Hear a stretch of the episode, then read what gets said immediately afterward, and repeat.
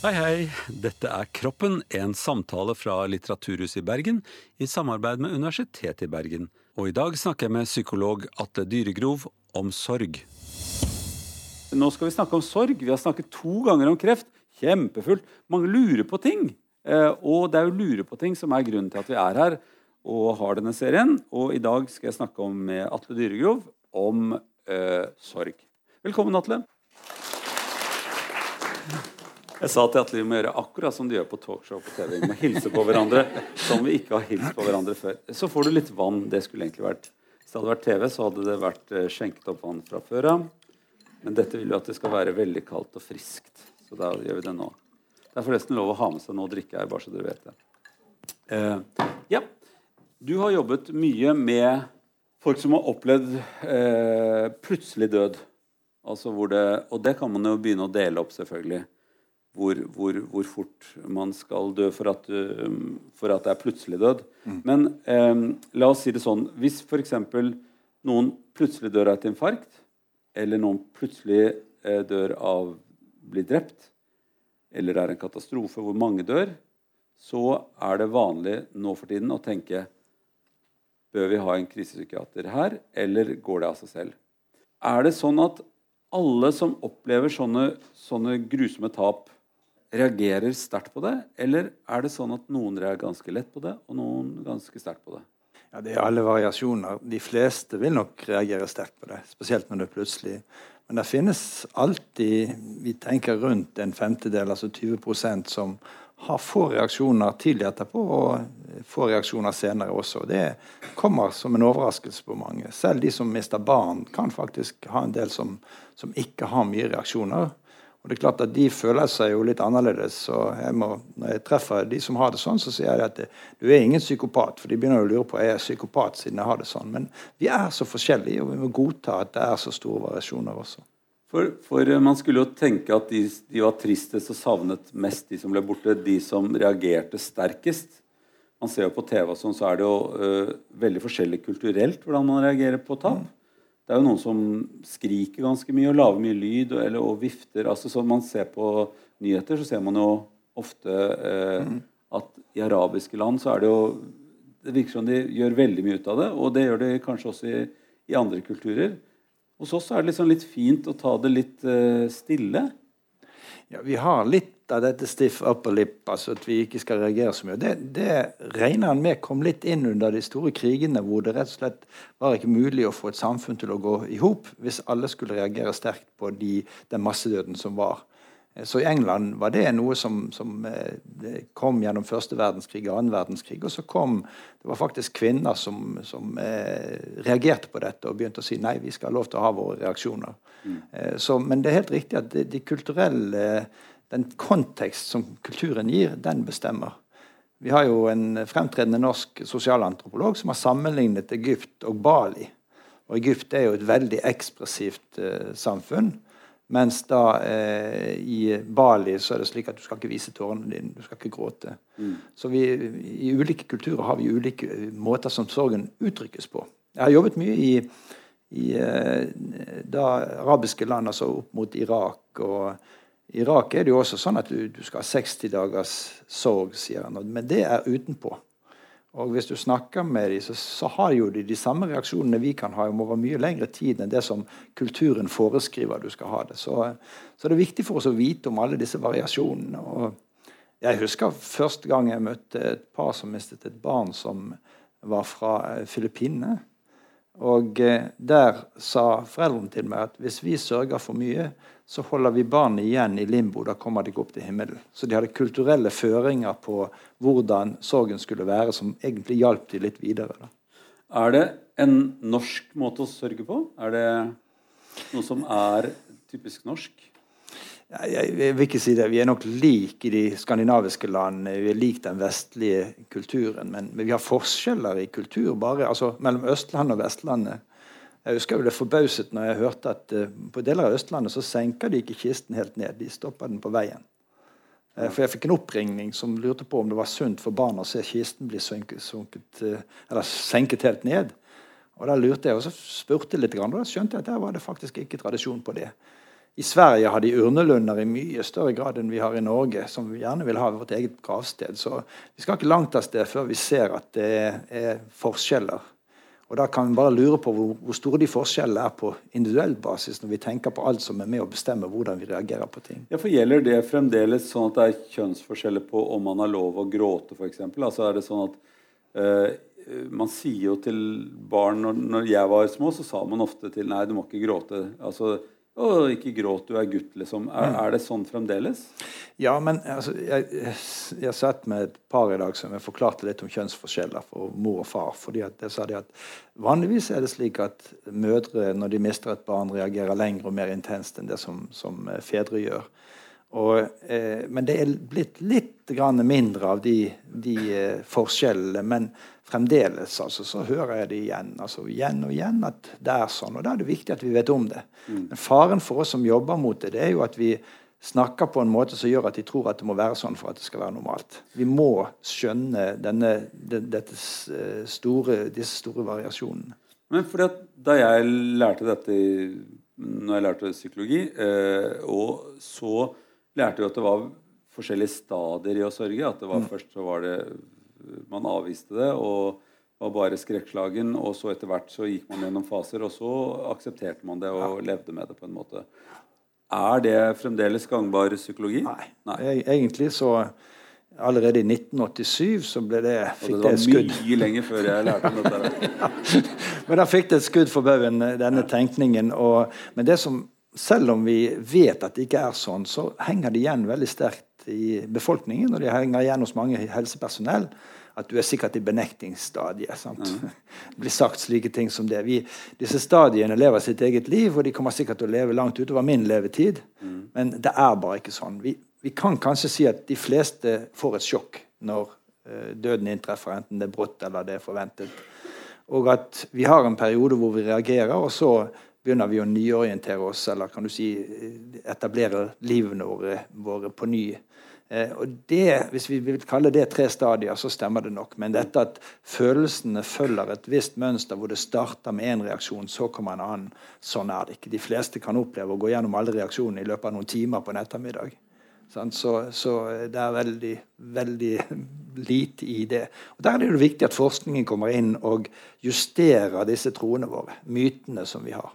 Men er man av en viss type, er man f.eks. en sånn som reagerer på en spesiell måte, så vil man se det på sorgen også?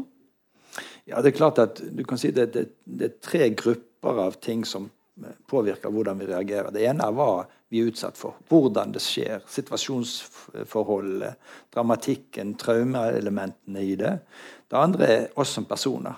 Hva vi har med oss i historien, hva vi har opplevd før hvordan vi pleier å takle ting. Er vi utadvendt, innadvendt osv.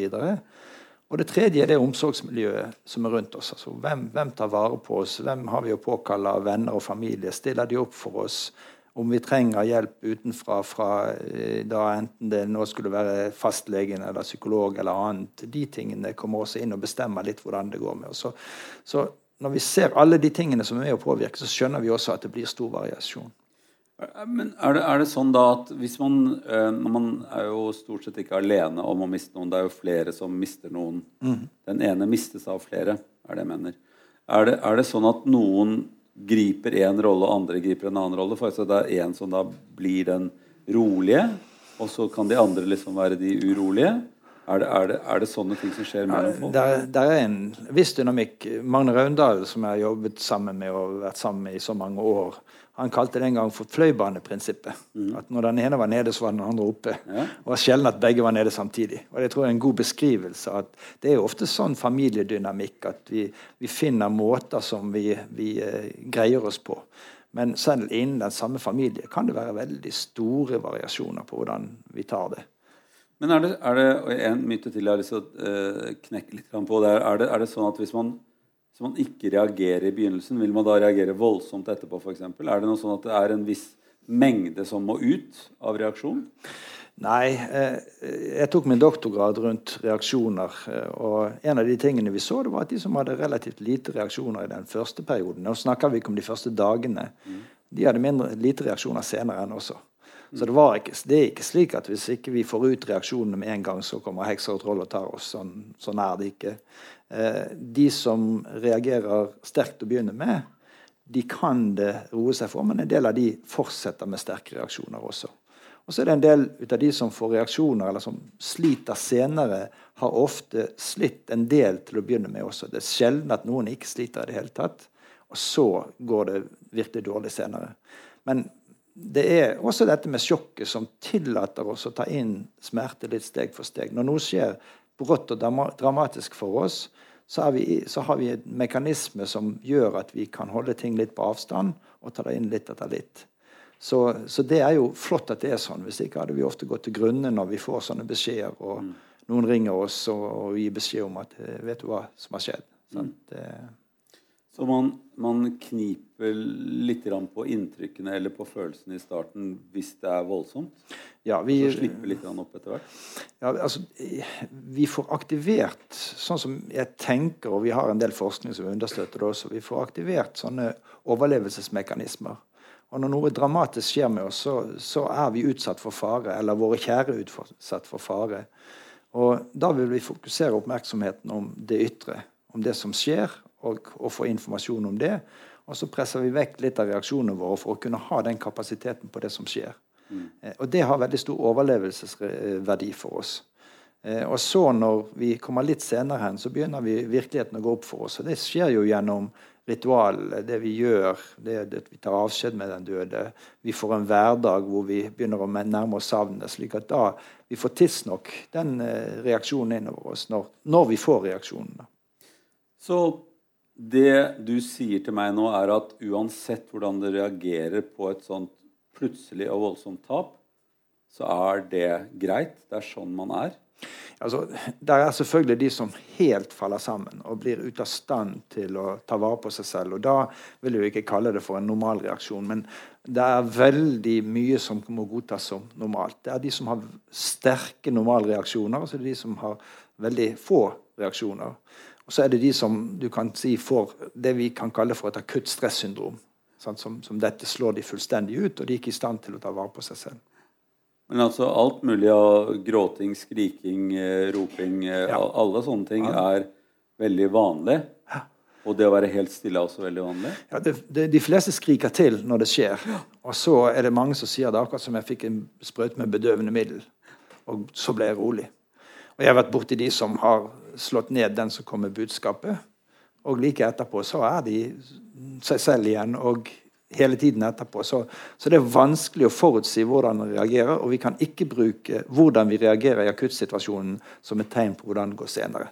Nei, Så, så all, både all type uro eller all type reaksjon som er den akutte reaksjonen, det, det behøver ikke å bety noe og, og, og, nå ble jeg gal', eller og nå, man, man, får jo sånne tanker også. Er det, er det roer det seg litt, og så begynner folk å ta inn biter av det. Og så, så kommer sorgen kanskje, og har, da har man lettere til å, å, å, å ta det. Mange får jo veldig uro. De blir rastløse. Jeg har vært med mange ganger i gamle dager når jeg jobbet på sykehuset, å gå i gangen på akuttmottak, for de greide ikke å sette seg ned, de som, som hadde fått en beskjed. Eh, men det er klart at når det første sjokket gir seg, så begynner du å ta inn over deg mer. Og da kommer jo ofte savn og smerte som de vanligste sorgreaksjonene, det er, jo, det er jo savn og lengsel. Det er et ønske om å ha den døde tilbake igjen. Men det som kjennetegner også de, disse brå dødsfall og de, de dramatiske dødsfall, det er ofte traumer òg som er kjennetegnet ved at du har en urolig kropp. De er kjennetegnet ved at du får minner og bilder opp fra måten du fikk vite om det, eller at du var til stede, eller du fant den døde.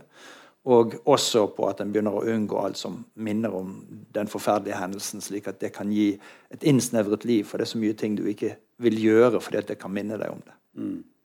Men å bearbeide det som du sier nå, disse reaksjonene, at man ikke har lyst til å nærme seg, eller ikke lyst til å tenke på, eller altså all, alle sånne ting, det, det, kan være en del av det å bearbeide det. da.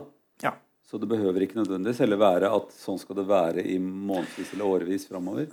Der er jo det forskjell på varigheten til det vi kan si er resultatet av det at du har vært utsatt for traume, og det som er sorg. Sorg har jo en veldig lang tidsepoke. Hvis du, de som mister barn, de vil jo ha med seg deler av den sorgen resten av livet ut. Sånn er det bare.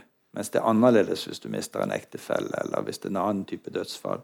Men traumebiten regner vi med at i løpet av de første fire-fem ukene så skal det enten ha dempet seg av av seg selv, eller så bør en tenke på bør jeg gjøre noe for å få mer grep om disse bildene for å få de ned.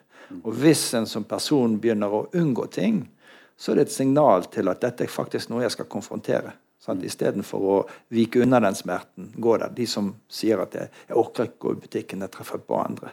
Mm. Så er det viktig å, å, gå der og kanskje lage seg en plan i hodet for hvordan skal jeg eh, takle det. Hva kan jeg si hvis noen spør meg hvordan det går? Mm. Sånn at, eh, fordi de fleste er usikre på hva gjør jeg da. Og Lager du en plan, så er du mye bedre rustet til å takle de situasjonene som kommer. Mm. Nå er det en del sånne spontane ting som skjer når folk dør, at det er et sted. ikke sant? Det er et det er et sted det har skjedd. Mm. Eh, skal man oppsøke det igjen? Skal man konfrontere seg med stedet eller, mm. eller den tiden, eller altså alt dette her som er rundt det? Der, der har vi Vi, har gjort ritualer for en del sånne ting ja. også, selvfølgelig. Vi, eh, Pål Christensen hos oss og min kone Kari Dyregård har, har eh, nylig publisert en studie hvor vi ser på de som har vært tilbake til Utøya, ute til stedet. Det vi ser, det er at dette er viktig, men det er vondt. Og de fleste ser på det som viktig for seg for å bearbeide det som har skjedd, og de, de ønsker å konfrontere det. Vi har mye mindre forskning over hvordan det er for etter kan vi si, de, de dødsfallene som skjer enkeltvis. Men all min erfaring er jo at der blir også steder viktig. For mange så er det viktig å komme til det stedet, kunne se avstander, kunne ta inn, få det vi kan si er kontekstinformasjon for å plassere dette, for å kunne få det langs en tidslinje, for å organisere tankene rundt det. Mm. Det samme gjelder jo det å få informasjon fra et sykehus, gå gjennom en eh, obduksjonsrapport hvis det foreligger. Alt det tjener til å gi oss mer sånn kognitivt grep om hendelsen, eller tankemessig grep om hendelsen. Så det er en av de tingene vi ønsker å, å, også gjøre litt mer eh, forskning på for å lære mer om hvordan det virker. For vi tror også der at det er veldig forskjellig. Og jeg forsøker ikke å presse noen til å gjøre det hvis de ikke selv ønsker det. Men hvis de forteller til meg at de har veldig mye uro, de får ikke grep om hva som skjedde, så sier jeg at jeg tror vi skal tenke på det. Hva du kan gjøre for å få mer informasjon. Og det å gå der og også knytte det til en rituell handling, det gjør ofte at mange syns at det, det, var godt. De, disse rituelle handlingene er viktige for oss. Vi har jo et, et rite som vi alltid som følger et dødsfall, og det er begravelsen. Altså en eller annen seremoni sånn en ukes tid etter, hvor man da tar farvel i en eller annen seremoni med den døde. Mm. Er det viktig eh, både for bearbeidelsen På samme måte er det viktig å se den døde? Er det, er det, er det noe ved vår kultur som er blitt borte ved at vi ikke lenger har likskue, eller at vi ser ikke den døde nødvendigvis. Man bare ser dem ned i en kiste eller altså pakket vekk på et eller annet vis. Jeg tror vi har egentlig tatt døden litt tilbake. Det er mange flere som ser i dag. Det er nokså uvanlig å ikke se den døde. Mm. Eh, mitt råd er alltid å, å, gjøre det fordi at det virkeliggjør det som har skjedd. Det, det er no, en del av det, det å ta inn over seg at den døde er borte for alltid de som får kompliserte sorgreaksjoner, har jo ofte det at de, de, lurer litt seg selv og vil holde den døde nært i tanker og handling. Så, så disse handlingene, enten det å se den døde, begravelsen eh, der også Noen ganger så har du spontanritualer. En går til den plassen der det skjedde, og legger ned blomster. Det tjener en funksjon for oss. Når vi utfører slike rituelle handlinger, så er det jo også som vi går utenom ordene og direkte gjennom handling kan uttrykke ting som ligger dypt i oss. Mm. Ellers så um, Jeg tenker på, på, sorg som kommer Som tar veldig lang tid. Altså Du sier at man, et, et, tap av en man kjenner, er jo et tap for resten av livet. Mm. Uh, uh, jeg mistet faren din da han var 47 år og jeg var 21. Uh, og det var sånn plutselig. En, og jeg fikk beskjed på telefonen. Og jeg har, jeg har drømt om, om at jeg treffer min far igjen i en drøm kjempemange år etter at han er død. Jeg tror jeg sist gjorde det for et år siden. Mm. Uh, og da uh, han i drømmen på en eller annen merkelig måte. Litt forskjellig, jeg husker ikke helt hvordan han ser ut. Men jeg vet at det er far. Og så sier han du må ikke si hvor jeg er hen. Mm. Altså, det, er, det, er, det, er, tydelig som at, at jeg har uh, jeg har en ganske lang sorgprosess, jeg også, selv om jeg syns jeg ble ferdig med den. da, Så mm. henger det jo noen biter eller noen bilder igjen både her og der. Det tenker jeg, det, altså Før trodde en at det var viktig å kutte nesten forbindelsen til den døde for å kunne knytte forbindelser til andre. Det er for lengst forlatt. Nå er det faktisk slik at vi ser at det å ha en nærhet til den døde, men ikke for mye. Mm. Det å kunne f.eks. For, for barn og at eh, den, hvis de har mistet en av foreldrene, så må gjenlevende forelder holde den døde litt i live inni hodet, så de kan lage et indre bilde av det. Og vi ser at de som en, kan bruke den døde konstruktivt, som en som av og til sier noe til dette, 'dette skal du klare', eller hva det nå er, de greier seg bedre enn de som helt kutter den forbindelsen. Mens de som har et nesten sånn, altså de, de, har den døde så nært seg at de har ikke sluppet På engelsk har de uttrykket 'letting go'. De slipper ikke fra seg. De òg sliter. Mm. Eh, så det å, å, tenke at vi altså, Jeg mistet min mor når jeg var 19, og fremdeles så tenker jeg innimellom Nå har jeg fått syv barnebarn, at hun fikk aldri oppleve å se mm. meg verken bli far eller å bli bestefar. Sant? Og det, det kommer inn, og det ser jeg på som naturlig. Jeg ser ikke på det som unaturlig at hun dukker opp i tankene mine selv om jeg nå er 65. Mm. Nei, men det er, er kanskje sånn noen oppsøker det såre ved det og, øh, og pleier det litt. Grann, da. Altså, jeg tenker, Her går det en eller annen grense. Ja. At Jeg kan også sitte på julaften og tenke dette fikk jo aldri far oppleve, og så koselig vi har det nå og syns det er veldig sentimentalt og eh, kan ta meg og få lyst til å gråte av det, på en måte, fordi det er julaften. Mm. Eh, men det å, å, å, oppsøke det nærmest som en måte å, å dyrke det på, mm. vil jo være min, mer skadelig. Jeg, jeg, jeg, liker ikke dette uttrykket 'dyrke'. Hver gang jeg hører noen si ja, men det er jo noen som dyrker sorgen, så tenker jeg de beskriver et menneske som har en komplisert sorgreaksjon, som, mm. som faktisk er, ikke har altså det, det, høres litt rart ut, men vi tenker på det som en unngåelsesreaksjon. Det er de som vil unngå å innrømme for seg selv at den døde er borte for alltid. De holder den døde nært seg gjennom kanskje daglige ritualer, lystenning, bilde, går veldig mye på graven. Eh, og Nå snakker jeg ikke om de første månedene etterpå, for da er det naturlig at en gjør det. Men når dette skjer måned etter måned, når de i enhver samtale de har med omgivelsene, så må de bringe, de må nevne den som er død, så avspeiler det ofte at de sliter med en, det vi kaller for en forlenget sorgreaksjon. Og Det er der vi også eh, tenker at der er det viktig at de får hjelp. Og det er en smertefull hjelp, men det er en viktig hjelp. fordi at de, de går på en måte på et sidespor og melder seg ut av tilværelsen litt og lever for nær den døde. Eh, men jeg tenker at det er på en måte ikke en frivillig sak. sånn at det, Når vi ser de dyrker, så er det som om de velger dette egentlig av, av at det er en god måte å bruke som unnskyldning i livet sitt. og det, Sånn tenker jeg ikke på det. Jeg har lyst til å komme tilbake til det eh, litt senere også, men la oss ta én runde litt med det der å, å, å, gi slipp, som du sa. Mm. Let go. Eh, eh, det kan jo ha praktiske sider også. Hvor, hvor lenge skal man ha et sånt nært forhold til den som er død, i den forstand at man tenker på det veldig ofte og har en slags indre samtale med det. Hva vil du si eh, Så lenge det ikke er komplisert, er det noe problem? holdt jeg på å si? Nei, det er jo ikke det. Hvis du, hvis du har den døde med deg, og det, det, har en positiv innvirkning i tilværelsen din. Men det er klart at hvis hver gang du går innom tanken på den døde, det setter deg i en viss sinnsstemning, så kan det være med å gjøre at du egentlig eh, lever et liv i skyggen av det dødsfallet. Og det tenker jeg at eh, det er noe av det som jeg er opptatt av, at folk skal kunne leve så fulle liv som mulig. Mm. Men jeg tenker jo at det er ikke noe mål at noen skal absolutt ikke tenke på en som, som er død. Eh, men jeg, så snart det går utover dagliglivet, at det ikke fungerer i sosial sammenheng eller på jobb, så tenker jeg at da må en se er det noe som en kan gjøre for å fungere bedre. Mm. Men det er en sånn balansegang, for vi er jo et samfunn som i liten grad vil, vil ha noe som, som setter kjepper i hjulene for oss. Så vi har et veldig høy, et slags høyst prestasjonsnivå for de fleste. Og det skal ikke mye til hvis noen ikke er, vekke fra jobb eller de er sykemeldt i en periode, at de blir, begynner å bli ekskludert. Og Det ser jeg jo i, i, min praksis. at noen sier kanskje, Til og med de som sier kanskje du skal forsøke å finne deg en jobb i det offentlige, sier de. Sant? Til folk som er i det private. Og da tenker jeg jøsse navn. Er, hva er det for noe? Mm. Så, eh. hvor, hvor, hvor, lenge skal man øh, Eh, ta opprydning etter den døde? Altså sånn med klær og alle, alle de praktiske tingene som er igjen.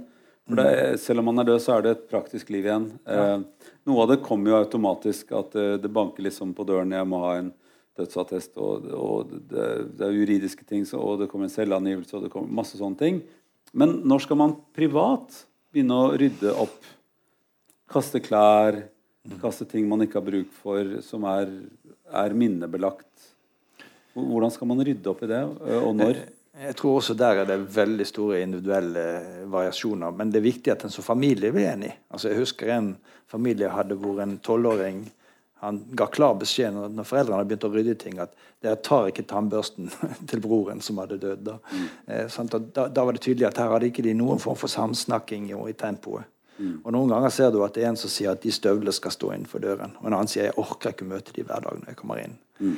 Så det er viktig at en samtaler om det. Og så vet en også at noen ganger når det har stoppet opp litt, så betyr det å begynne å endre på disse tingene utenfor en selv, det skaper også en indre forandring. Så det er en måte å også greie å fortsette en prosess med sorgbearbeiding hvis det har stoppet litt opp. Men det er vanskelig å si at det skal være etter fire måneder og syv dager. Du kan, du, kan, ikke gjøre det, fordi dette er så individuelt. Men når, du, når, det står som et gravkammer, og det har gått et over et år, så vet en at dette sier noen ting om hvordan det er på innsiden av hodet også. Mm. Så man bør når smerten begynner å gi seg, kanskje oppsøke de praktiske tingene som står der og venter? Iallfall reflektere over det og kanskje lage seg en plan for hvordan, hvordan skal vi tenke rundt det som familie. Hva skal vi gjøre? Skal vi sette oss en dato hvor vi rydder sammen?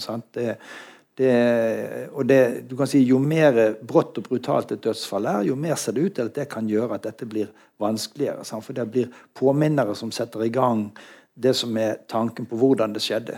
Mm. Og, og, det er også sånn som vi tenker rent sånn når vi snakker om intervensjon eller behandling, at hvis noen er blitt, eh, sitter fast i traumene og hele tiden får opp bilder av hva som skjedde, eller beskjeden de fikk på telefonen, eller den som kom på døren, eh, så er det viktig at en gjør noe med den biten, fordi den kan sperre for sorgen. Altså, traume, traumeelementene kan gjøre at det blir så vanskelig å gå inn og tenke på gode minner hos den døde. For hver gang du gjør det, så kommer måten som dødsfallet skjedde, opp. Og da blir det heller at du forsøker å unngå det.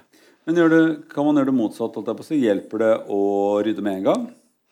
Nei, det, Da kan du risikere at du rett og slett det, det, var jo sånn som når jeg begynte å jobbe i dette feltet sammen med kolleger, så så vi jo at eh, foreldre som mistet barn, da var det noen hyggelige familiemedlemmer som kunne rydde leiligheten og få alle spor etter det barnet som hadde vært der. Mm. Og det er klart at Da blir jo sorgen hvileløs. Da har du ikke noen konkrete punkter for å relatere deg til den som du har mistet. Du har ikke noen ting som gjør at du får den gradvise eksponeringen for så mye smerte at smerten begynner å gå ned.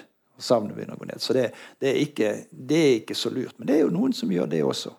Det er det som også litt nå når vi har julen. Noen reiser vekk. De vil ikke være hjemme i julen. Og det, det betyr jo noen ganger at sorgen flytter med på lasset, og når de kommer hjem igjen, så blir det desto tyngre å, å ta fatt på det. Mm.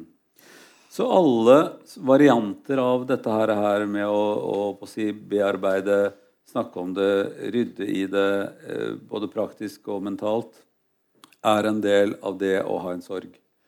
Ja. At, at, det vil endre seg med tid, og at det vil, selv om all sorg virker helt meningsløs, overveldende når det, når det er et plutselig dødsfall, eller en som en du har vært veldig glad i, som plutselig dør, så, så vil det endre seg. Sorgens smerte i seg selv, det at du stadig går på ting som minner deg, gjør, det setter i gang følelsene. Over tid så gjør det at intensiteten går ned. Det er akkurat som hvis du er redd for noe, og du konfronterer den redselen, og du tar det litt og litt og litt, og litt, til slutt så går den redselen ned. Det er noen prinsipper som mennesket fungerer etter, og de virker på, det, på dette området som de virker på andre områder.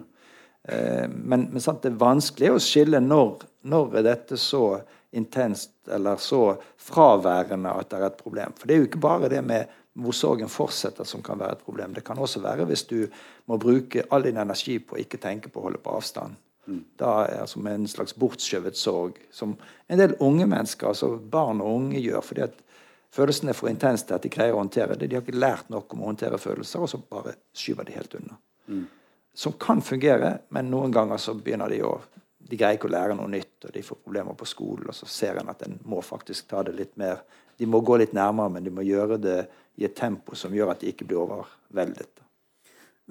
Hvor, eh, vi har snakket om dette før når folk dør, hva vi andre skal gjøre, vi som si, ikke er døde eller ikke har mistet en, en, en nær. Eh, skal man involvere seg, eller skal man holde seg unna? Hvor nært skal man gå? Hva skal man snakke om? Skal man nevne det, eller skal man være den som er et fristed hvor det ikke snakkes om det? Eller altså Hvordan skal man eh, som venn eller nabo eller eh, Hvordan skal man være? Det aller viktigste er at en hører hvordan de som er rammet, vil ha det. Fordi at Hvis vi enten holder oss unna, og de føler at de blir sveket, eller vi presser for mye på og de syns at vi er påtrengende, så gjør vi det feil. Så det, det, vi er nødt til å gjøre, er å høre at jeg, jeg, jeg vil ta, ha signaler fra deg på hvordan du vil ha, ha kontakten nå. Eh, hun som jeg er gift med, Kari, har gjort mye forskning på dette med sosiale nettverk i, i sorg. og har vært ute og intervjuet og fokusintervjuet av grupper med, med, de som er venner rundt. Og de er jo veldig klare på at de ofte er usikre. Mens når vi snakker med de sørgende, så sier de én ting felles. Det er at vi vil at folk skal ta kontakt. Men de kan kjenne seg litt eh, overstimulert å begynne med. For alle tar jo kontakt å begynne med. Og så, etter en stund, så mister de litt av den interessen. altså Da tenker de at nå er det jo gått flere måneder, så nå må de ha kommet videre. Slik at en del kjenner seg veldig alene når det har gått litt tid. Så vårt råd når vi, når vi blir spurt, er å si at fordel den, den eh, kapasiteten du har for å gi støtte utover tid. fordi at de fleste savner støtten over tid. De syntes det er ok med den som får til å begynne med, men de var der så kort tid.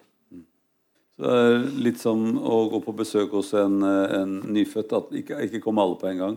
Ja.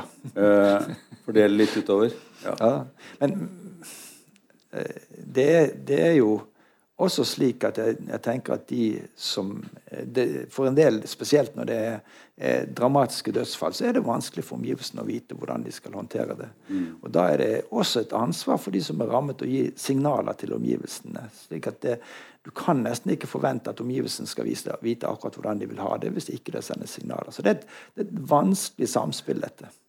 Og det vil jo være veldig forskjellig hva slags situasjon folk er i. Har de, har de familie å ta vare på, har de jobb å ta vare på? Så det at man, man, kanskje burde spørre Hvis man føler seg noenlunde nær folk, da er, eh, er, det noe jeg kan hjelpe med? Eller er det Vil at vi skal snakke om dette her? Eller, for det, det vil jo folk stort sett klare å svare på selv. Ja. Og Noen vil ha praktisk hjelp. De vil ja. ha gjerne noen som kan kjøre til håndballtreningen, og som kan ta med barna. Sant? Og så har du andre som setter De, de kan bruke også omgivelsene, noen til det praktiske, og noen syns de det er godt å snakke med. Mm.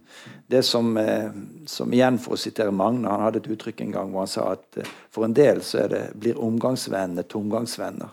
Mm. Og det er de som ikke berører det som har skjedd i samtale, som, som bare snakker som om alt det som før og som helst vil at de bare skal være glade. Og det går ikke. Sant? Så eh, det, det, det, er nok sånn at en må også være forberedt på å kunne være der når det er vondt, og ikke tenke at må jeg, jeg, er nødt til å gi noen råd der når de har det vondt, men, men, bare være der.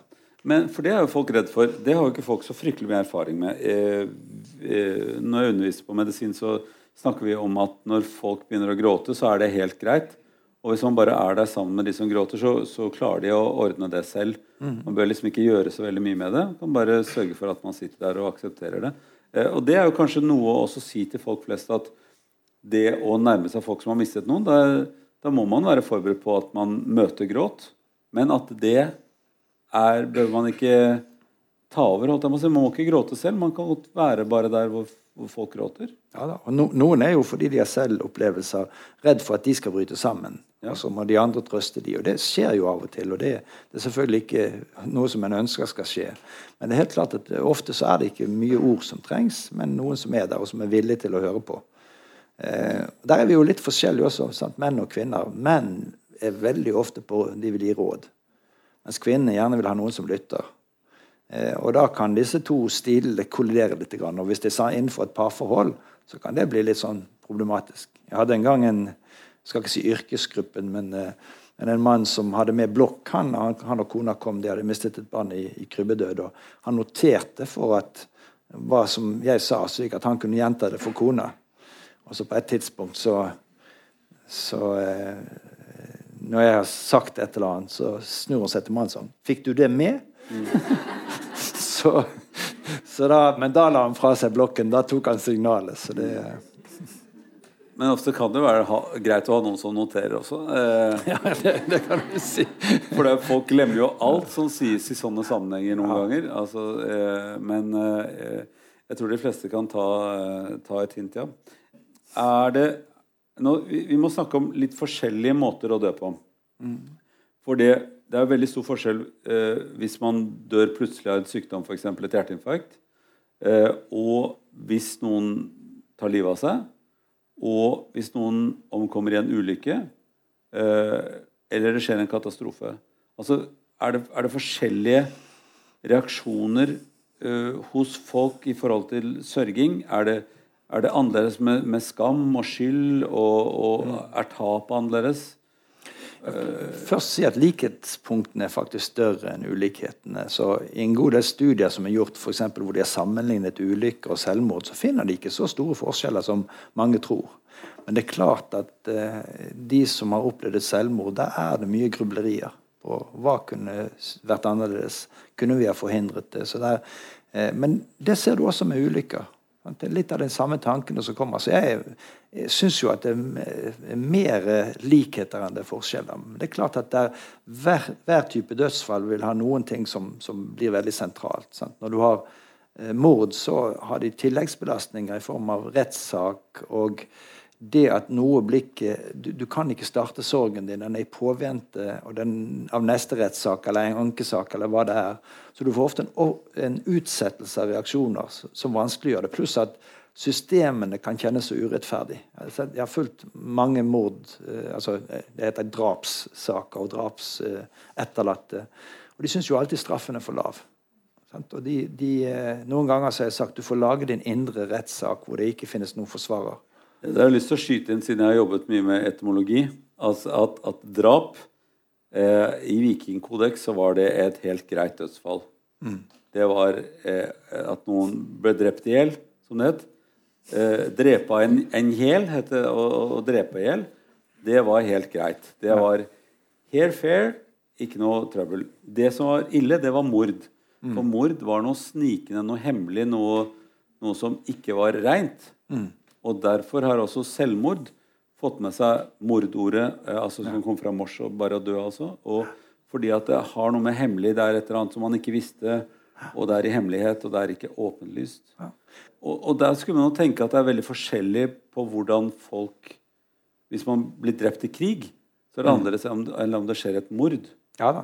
Men sånn, mord det, det finnes faktisk ikke som term lenger. Så når, Nei, i juristisk holdt jeg på å si, så heter det jo ikke mord lenger. Så det, det, jeg, på, Drept med mer eller mindre overlegg. Ja. Eh, eh, ja. Men det er klart at sånt, eh, mordene For å gå, bruke den termen, så, så er det en intensjon om å drepe. Sant? Mens drap kan skje med enkelte ulykker også, som, som, som blir, Så det dømt for drap. Kanskje skulle hett selvdrap? Ja, det er mange som reagerer på selvmord som term. Så det, det, det, det ser jeg. Men det er så vanskelig å finne en god erstatningsterm også.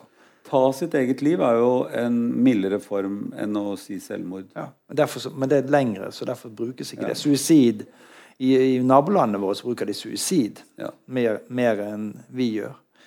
Men tilbake til det du spør om, så, så er det selvfølgelig forskjell på, på type dødsfall. Eh, mange tenker jo at hvis du har alvorlig sykdom som gradvis fører frem mot døden, at det er mye enklere enn da disse plutselige dødsfallene. Og på en måte så ser du at det er mer traumeelementer vanligvis i de plutselige dødsfallene. Men de som har hatt omsorgsansvar over lang tid, blir veldig utslitt også. Så du kommer mange ganger helsemessig like ille ut hvis du har hatt en lang omsorgsperiode. Pluss at i sykdom har du ofte sånne krisetopper eller traumatiske opplevelser innenfor sykdommen. Så, så det er viktig å finne frem til de tingene som en sliter med. Jeg, jeg, når jeg møter noen, så spør jeg hva er det du sliter mest med nå. Hva er det du trenger mest hjelp til nå? Og Da blir jeg forbauset noen ganger ved sykdom hvor de sier nei, jeg har et sånt bilde fra da når mamma var så veldig syk. Sant? At som hun, hun lå i sengen der, og da var jeg sikker på at hun kom til å dø. Hun døde ikke der, men det har jeg på netthinnen. sant? Og Da er det noe som jeg vil ønske at de kan få hjelp til å få grep om, så ikke det er noe som, som gjør at det er vanskelig å sove, eller som stadig bringer inn et, et stengsel frem mot gode minner mot den mammaen. da. For det, her er det jo en skala på et eller annet vis. Det er plutselig uventet død, og så er det helt et, et langt sykeleie. Og så er det oss som tror vi er friske, men som kanskje er på vei til å dø, vi også. da. Vi er nok det, vi to også. Ja, ikke sant? Du, du dør så sakte at du tror du lever, er det et dikt som sier. Eh, og, eh, så, så alle er vi jo på vei til å dø. Er eneste, med en gang vi blir født, så er vi på vei til å dø. Eh, det gjør jo at, eh, at, at sorgen er jo like mye med oss som en del av livet som kjærligheten. på en måte. Og det verste ved å virkelig bli ordentlig glad i folk, er jo at man taper dem. Ja. Det, og igjen så er det kjærlighetssorg er jo en reell sorg, det også. Mm. Så, så, hele skalaen her til fra å Og det jo, ligger jo sorg i å tape funksjon. Altså det å bli gammel, f.eks. Eller det å være utsatt for en ulykke og leve, men ha en, en, en, et tap av en funksjon. Er alle disse sorgene i ditt sånn filosofiske hode en del av den samme gryta? Er, det, er sorgen bare en stor gryte som vi alle sammen mm, drikker en kopp av stadig vekk? Altså, hvis du tenker på sorg som, en, på, som, noe som stresser oss, altså det er en stressrelatert hendelse, så vil jo alle disse andre hendelsene også være en form for stress. Men det gir noen av de samme, de samme reaksjonene hos oss. Det, det, gir savn og lengsel etter noe som var.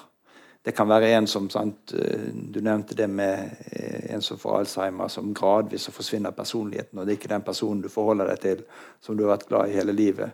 Og Da er det en sorg i forhold til det. Så sorg som, som, et slags begrep kan brukes på mange livsområder. Skilsmisse har du noe av det samme.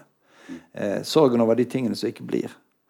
Eh, så der, det, den, den, ser jeg. sant, Og der, det, der er, eh, det er savn og, og lengsel inni mye ut av dette også. Så det som jeg tenker òg, det er jo at det Jeg har ikke jobbet så mye med det, men jeg har hatt kollegaer som har jobbet med det, som de som får Eh, både tverrsnittslesjoner og andre ting som gjør at kroppen blir satt ut. At det, ja, det gir ekstrabelastning, men det er ikke slik at det er graden eller mengden av skade som avgjør hvordan vi tar det. Og Det er jo bra, for dette sier noe om at vi faktisk kan, kan greie ved, ved, psykologiske mekanismer å håndtere en situasjon bedre enn altså Det er ikke avhengig av skadeomfanget. Det er avhengig av hvordan vi kan tenke. Og noe av vår å tenke på kan vi lære. Vi kan lære nye strategier, nye måter å håndtere ting på.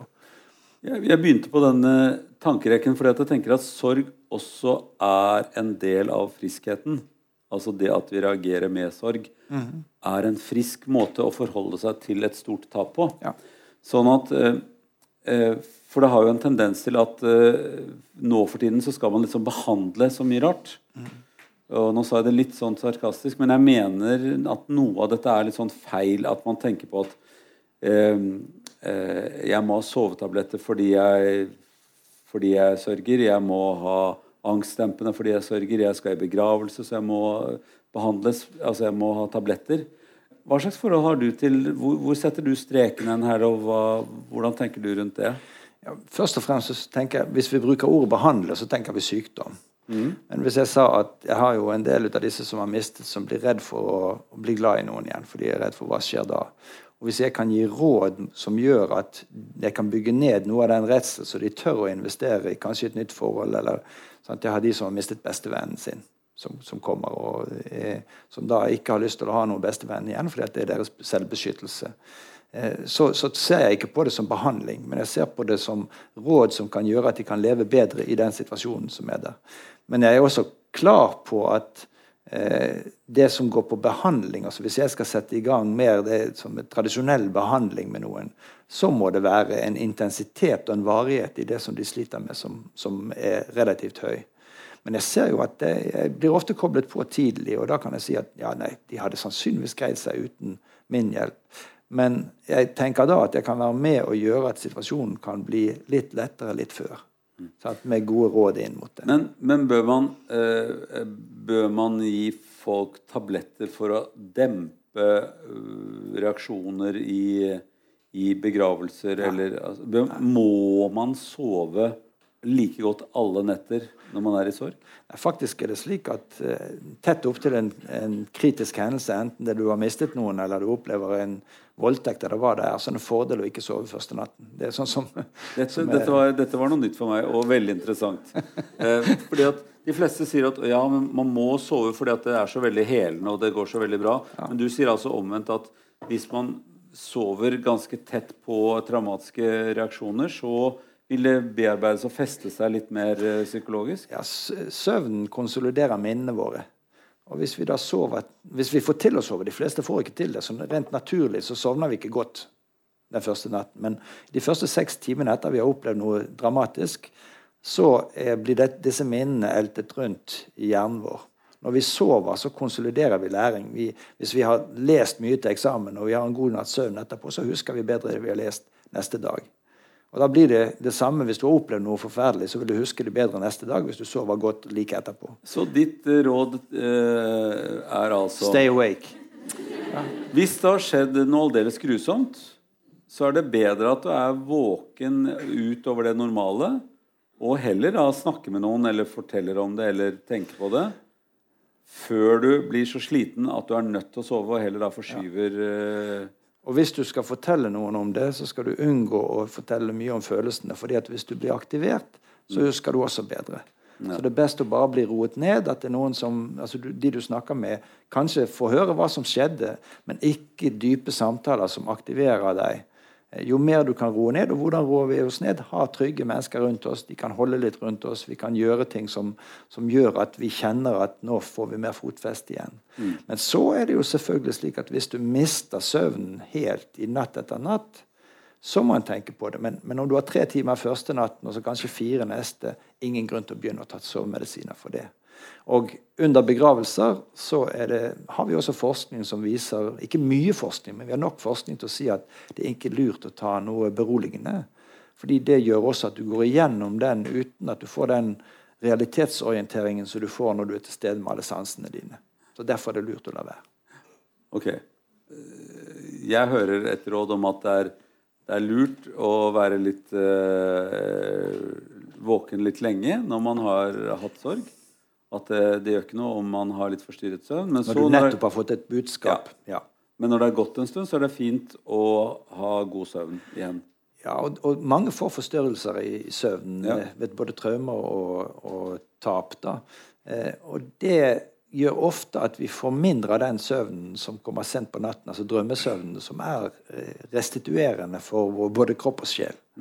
Så det å forsøke å jobbe for å komme inn i søvnen, det er vesentlig. Før trodde en at en måtte først eh, hjelpe med det som var primærlidelsen, om det var depresjon eller noe annet. Nå er det vist veldig klart at det å forsøke å få til god søvn, det er i seg selv eh, et viktig satsingsområde for oss. Og, der finnes det mye metoder vi kan lære for oss å sove bedre også.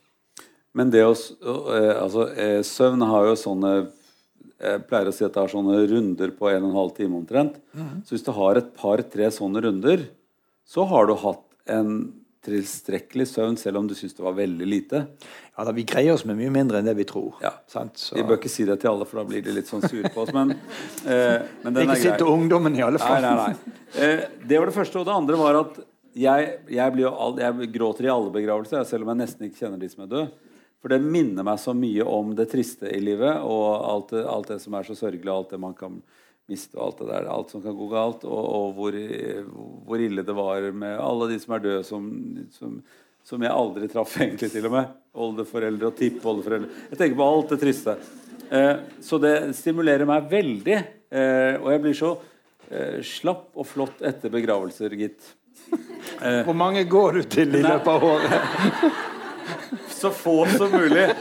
Eh, jeg har noen som oppsøker begravelse fordi de syns det, så- det er så godt å, å liksom få grått litt. Ja. Men det gjør jeg uansett. Jeg, eh, eh, og jeg tror det er fint. Jeg tror det er, det er, Å få sin dose gråt av og til tror jeg er ganske fint jeg, for, for kroppen. Hva tror du om det? Eller er du sånn som holder igjen hele tiden? Eller gråter du litt? Nei, med alderen så gråter jeg nok lettere Ja. altså i begravelser. Jeg syns også det er fint å få reflektere og få høre om det livet som har vært. Men, men jeg har, deler nok ikke ditt syn på, på gråt. fordi at der er det også litt sånn at vi tror at den er så utrolig viktig for oss. Og mange, Jeg får jo bestillinger av de som kommer. De får ikke til å gråte. Det er en klump som skal ut. Oh, ja, sånn, ja. Sånn, eh, og, Nei, jeg har aldri, aldri noe problem med ting som ikke skal ut. Det får være der inne. Men poenget er at den, den forskningen var om gråt, det, det den kan dokumentere, det er at gråten er et sosialt signal. Det er den eneste, mens, mens det er egentlig en veldig påkjenning for, for kroppen ofte å gråte. Slik at vi skal, ikke, vi skal ikke idyllisere gråten. Men mange syns at det er veldig godt å få det ut, og da må de få lov til det.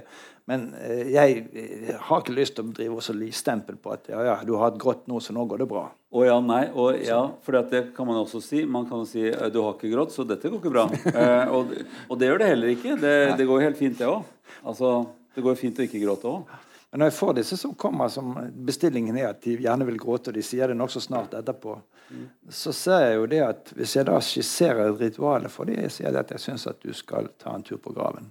Mm.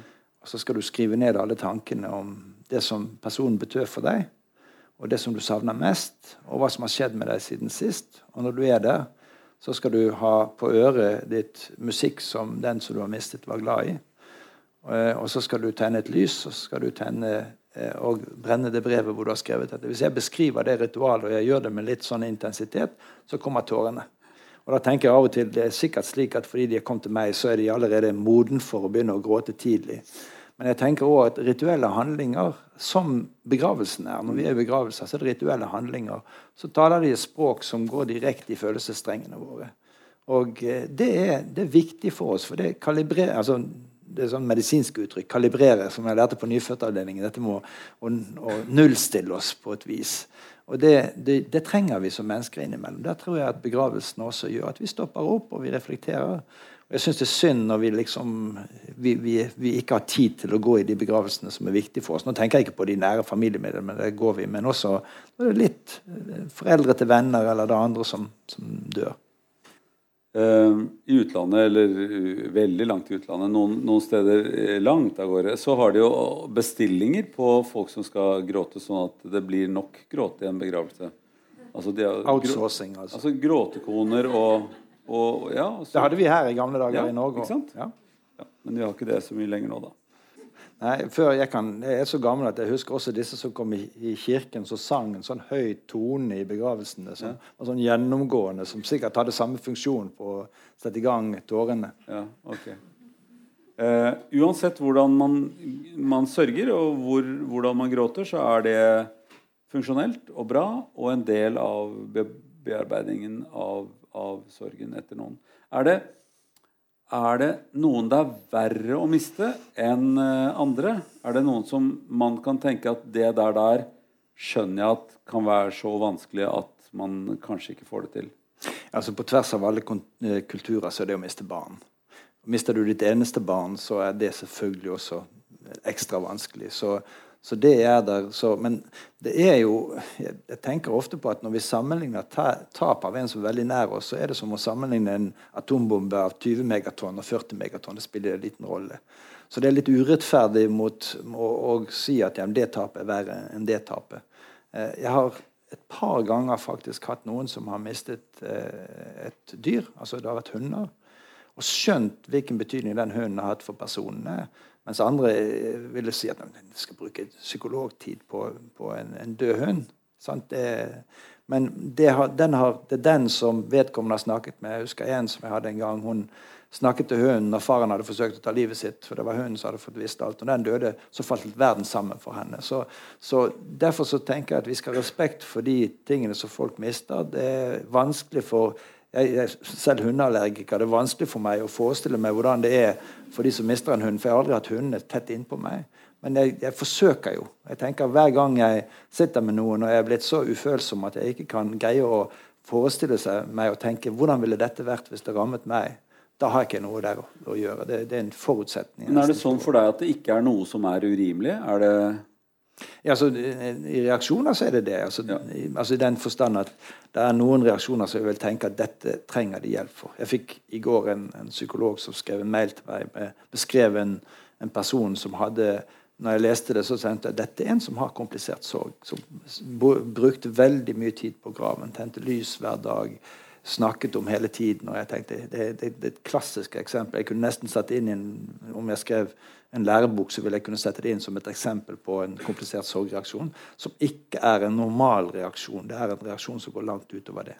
For du eh, sier det nå flere ganger komplisert sorg. Det høres nesten ut som en diagnose. Er det Er det nesten det? Er det, Altså Det er sånn foreslått som en diagnose, ja, faktisk. faktisk. Så en eller annen type sorg som er det som du kan beskrive som komplisert, trenger behandling.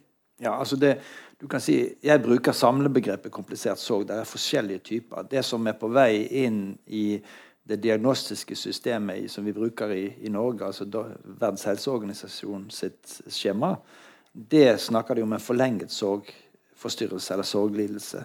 Og Det er den som er karakterisert ved at har, det har gått mer enn seks måneder, og du har en sett av, altså du har en sorg som er så intens, som preger hverdagen din så mye, som går utover din daglige fungering, at eh, det, det, det er de fleste som får en sånn beskrivelse, vil si at dette er for mye.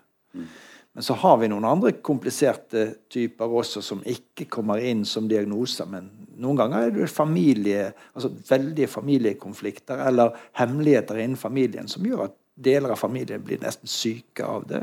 Hvor jeg tenker at der også trenger de hjelp for å få, få eh, sortert dette og greie å få til å samhandle i familien. Så har du den som er den utsatte, hvor det tilsynelatende går bra, men de bruker veldig masse energi på å holde ting på avstand. Dytte inn skuffen igjen. Og så, hvis det er ungdom, så faller de ut av skolen, eller de, de greier ikke å lære noe. Er det voksne, så, så sliter de med at de får mye kroppslige symptomer, eller de sliter med, med ting som, som åpenbart avspeiler at her, de, her, er, her skyves altfor mye vekk. Men den er vanskelig å skille fra det som er si, hensiktsmessig måte å, å greie å holde ting på avstand og gå bort fra sorgen. Fordi det som vi trenger å gjøre i sorg, er å finne en balanse mellom å gå nær og gå bort fra. Er det vanskeligere for de som ikke har opplevd før, å oppleve sorg, enn det er for de som har opplevd en sorg fra før av? Ja, så er det en viss læring i å sørge? Ja, det er det. Jeg har akkurat kontakt med noen som mistet for åtte-ni år siden, som har mistet på ny. Og de sier at de tingene de lærte først, det kan de gjøre seg nytte av nå. Men når du sier det også, så ser vi jo at barn og ungdom de har ikke referanserammer for å fortolke det som skjer med de selv eller med omgivelsene, og trenger mye informasjon og det vi kaller for psykopedagogisk eh, innspill, at de får vite om hva som er normalt. De lurer veldig på seg selv, og de lurer på foreldre. Og de er veldig redd for foreldre. Så, og også da unge voksne som, som, eh, som aldri har møtt død før, blir jo også usikre på det. Mange tenker på jeg er i ferd med å bli gal. Kommer jeg til å greie dette? Så eh, Kommer de til å bli gale? Nei, det er veldig få Altså, det er jo klart I, i min snart eh, 38 år har jeg jobbet på sorgområdet. Eh, og jeg har opplevd to ganger at noen har eh, fått psykotiske gjennombrudd i, i alle de årene. Eh, det er ikke vanlig, og det har litt med den sjokkreaksjonen som beskytter oss. Hadde vi ikke hatt den, så tror jeg vi hadde mange flere som ville både gå rett ut og ta livet sitt, for de orker ikke dette, eller de kunne ha gått over i det vi vil kalle for gal, galskap. Da. Men det er veldig sjelden. Men frykten for det er stor. Hvor, eh, hvor små barn skal få lov å se de døde? Det er ingen aldersgrense på det. Hvis du tenker på et halvt år gammelt barn, så tar de ikke inn og forstår situasjonen. Men når de blir 16, så kan de spørre hvor var jeg? Var jeg med på begravelsen, eller var jeg med på syningen? Og hvis foreldre sier jeg bar deg på armen, du var der inne, så kan det ha stor symbolsk betydning for dem. Så vi skal ikke bruke alder som et eksklusjonskriterium. Men barn, spesielt når de blir litt større, så trenger de forberedelse forut for et sånt rituale. De trenger følge gjennom, og så trenger de oppfølging i etterkant. Så det legger et ansvar på de voksne, ikke nødvendigvis på, på de aller nærmeste, men noen andre i familien må ta ansvar, slik at barna har trygge omsorgspersoner rundt seg i situasjonen. Og det er når man oppsøker den døde. Skal man gjøre det på noen spesiell måte? Ja, det er jo viktig at den døde, at det rommet, omgivelsene, er fine. Jeg satt senest i går med, med, en som fortalte om for noen år tilbake sånn, Først var hun eksponert for den døde ustelt, som var et sjokk fordi hun var ikke forberedt på det. Og så var hun gjennom den samme situasjonen godt tilrettelagt av begravelsesbyrået, som, som, var, altså, som, egentlig reparerte litt av den første situasjonen. Så, så det er situasjoner som er, som det er kort vei mellom det som er terapeutisk og det som kan bli traumatisk. Så vi må vektlegge at de situasjonene er godt ivaretatt. Og Der er begravelsesbyrået veldig flinke, og der er prester og det er andre som, har, som er gode på å også inkludere barna. Eh, men jeg ser jo det at nesten hvert år så får vi henvist de som ikke er blitt ivaretatt, og hvor problemet er ikke dødsfallet, men det er måten som ting er håndtert rundt dødsfallet på. Mm. Så man bør snakke gjennom det på forhånd. Nå skal vi se vedkommende. Og så bør man være sammen med barna og snakke om det etterpå. Ja, Og forberede de på voksnes reaksjoner. Og Det er jo noe av det som er skremmende for barn. når de voksne... Skummelt at, at de voksne begynner å gråte eller eh, Ja, og det også si at det sånn er det når vi mister noe. Vi blir lei oss, men det er ikke farlig. Og så er det jo også det som Hvis det er mindre barn, så må en kanskje si at når vi er døde, så vokser ikke neglene lenger og håret lenger. Sant? Og da kan vi ikke tenke lenger. Sånn at en gjør det konkret for dem. Og eh, da når de da kommer inn, så, så hvis, hvis de tar på den døde, så skal de vite at de er kalde. Så det, så det er en forberedelse som går på sanseopplevelser og på opplevelsen av de voksne. Og som også sier noen ting om at det kan hende du blir lei deg, men du behøver ikke å bli det. Mm. Det, det er ikke sånn. Så sukk. Eh, hvordan er det å jobbe bare med sorg? Eh, du, du, jo, du er jo født med smil om munnen, så det går jo ganske greit. ser til. Eh, ha, eh, har det påvirket deg, og, og er du blitt lei deg av å jobbe så mye med sorg? Ikke lei meg, men, men jeg er påvirket, helt klart. Jeg tror jeg var veldig påvirket i de første årene på barneklinikken. Fordi da hadde jeg ingen bremser for hvor mange familier jeg så som hadde mistet barn. Og ingen fortalte meg at jeg burde ikke se så mange. Så da eh, når jeg gikk over til universitetet i 84, så var det perioder der hvor jeg tenkte jeg håper ingen ringer og sier at jeg skal snakke med en familie nå. Men, eh, så jeg, jeg, lærte mye om utbrenning. Jeg var den første som skrev om det på norsk område også. men det det var ikke fordi at jeg kjente meg så utbrent, men legene for barneklinikken barnelegene ville at jeg skulle snakke til de om det. Og det har vært nyttig. og eh, Det mest vanlige spørsmålet jeg får, det er hvordan greier du å jobbe i det feltet? Mm. Og da, Jeg pleier også å si at jeg nevner kona mi først, for det er utrolig viktig å ha en, en som er mye klokere enn meg hjemme. Det som ikke er så fint med det, det er at de ofte forteller deg hvordan du har det, og det liker du ikke menn å høre. så... Men så har jeg fantastiske kolleger, og så forsøker jeg å la livet være noe annet enn eh, bare eh, jobben. Men jeg er arbeidsnarkoman. Men jeg liker å spille kort. Jeg trener mye, jeg gjør mye ting som, som er veldig kjekt. Og så er det en ting som er helt fantastisk. Det er at du får så utrolig mye feedback tilbake fra de som du, du møter. og du treffer barn som, som 'Hei, kjenner du meg igjen?' sier de sånn svær.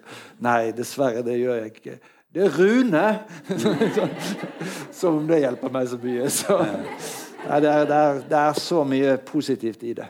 Så, men jeg, jeg jobbet jo med massakrene i Rwanda i 1994 og startet med krigsområdet i 84. Og noen av de situasjonene gjorde at jeg i perioder har begynt å tvile på mennesket. Og akkurat nå med Syria så, så, så, får jeg noe ut av det også. Da blir smilet det, det, også den hjelpeløsheten. og da merker jeg at jeg må fokusere på noe annet. at jeg syns det er så jeg holdt på å banne her, altså, men, men, så ille at vi, en verden kaller sånt skje. Fordi at jeg har jobbet så mye med barn i krig og vet hvilke mentale krater det etterlater. Så, så, har vi som samfunn en, en, en, samvittighet, og også norske myndigheter, som, som vil holde all den lidelsen utenfor våre grenser. Dette, det var den politiske dette, dette, spørsmålet, dette, spørsmålet, startet med at jeg fikk litt lyst til å, å, trøste deg, men nå fikk jeg lyst til å trøste alle sammen. Så, og det har, jeg, det har, jeg, ikke kapasitet til. Eh, men det var veldig eh, nyttig, og jeg ble veldig glad av å snakke med deg om dette her. Faktisk merkelig nok. Eh, og, og egentlig så er vi jo alle sammen mer eller mindre oppe i sånne situasjoner. Og, og det er godt å tenke på at det der kommer til å gå bra, for det er en del av livet. Tusen takk for at jeg fikk snakke med deg.